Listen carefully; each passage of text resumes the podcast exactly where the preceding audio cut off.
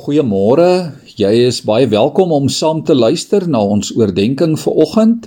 Ons dink hierdie week oor geloof en wat dit beteken dat ons sê ons glo. Ek lees so 'n paar verse uit Romeine 8 vanaf vers 18. Ek is daarvan oortuig dat die lyding wat ons nou moet verduur nie opweeg teen die heerlikheid wat God vir ons in die toekoms sal laat aanbreek nie. Die skepping sien met gespanne verwagting daarna uit dat God bekend sal maak wie sy kinders is.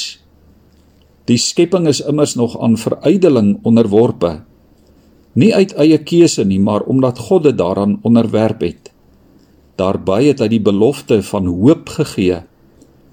Ons weet dat die hele skepping tot nou toe sug in die pyne van verwagting. En nie net die skepping nie, maar ook ons wat die Gees ontvang het as die eerste gawe van God. Ons sug ook. Ons sien daarna uit dat God sal bekend maak dat hy ons as sy kinders aangeneem het. Hy sal ons van die verganklikheid bevry. Ons is immers gered en ons het nou hierdie hoop. Wat 'n mens al sien, hoop jy tog nie meer nie. Wie hoop nog op wat hy reeds sien? Maar as ons hoop op wat ons nie sien nie, wag ons daarop met volharding. Liewe vriende, ons kan baie maklik en verkeerdelik dink dat geloof soos 'n pilletjie werk. Dat as ek die pil sluk, sal alles swaar kry uit my lewe verdwyn. Soos wanneer 'n pynpil 'n hoofpyn laat verdwyn. Daar het selfs 'n hele teologie rondom hierdie soort geloof ontwikkel naamlik die sogenaamde voorspoed teologie. Glo net, dan sal alles regkom.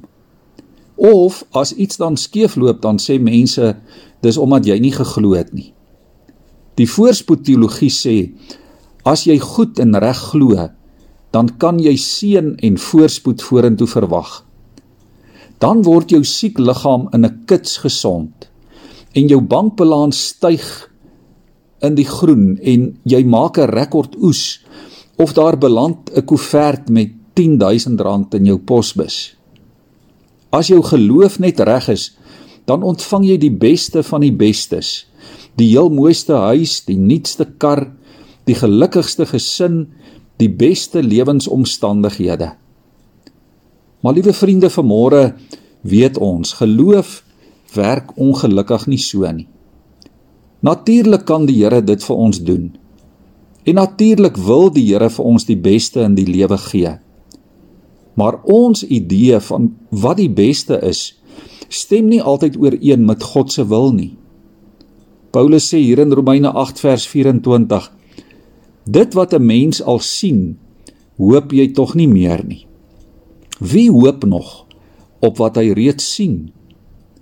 Om te glo is om te bly hoop al kry jy nie waarvoor jy vra nie. Geloof is daarom, liewe vriende, ook 'n stryd. Dit bring spanning. Dit vra inspanning. Dit vra volharding en toewyding. En ons het God se genade nodig om te glo. En dit is beslis nie soos 'n pilletjie wat jy sluk en skielik verdwyn al jou sorges nie.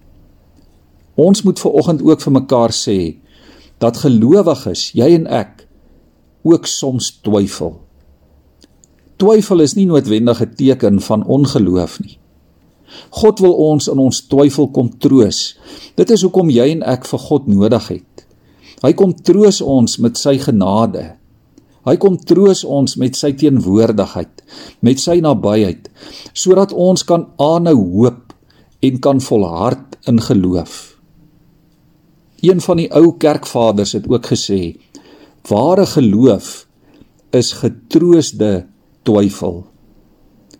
As God nie my bewende hart en my twyfelende gedagtes in sy hande kom vat nie, dan kan ek nooit glo nie. Mag die Here jou vandag kom troos in jou twyfel.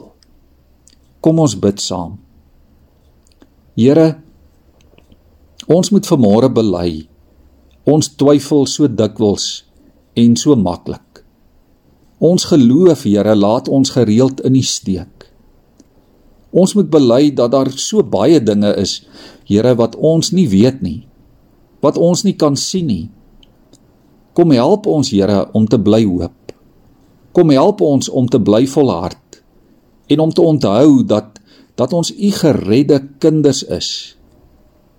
Terwyl ons saam met die skepping sug vermare, Here, sug u Heilige Gees saam met ons en kan ons vashou aan u genade wat vir ons genoeg is. Amen.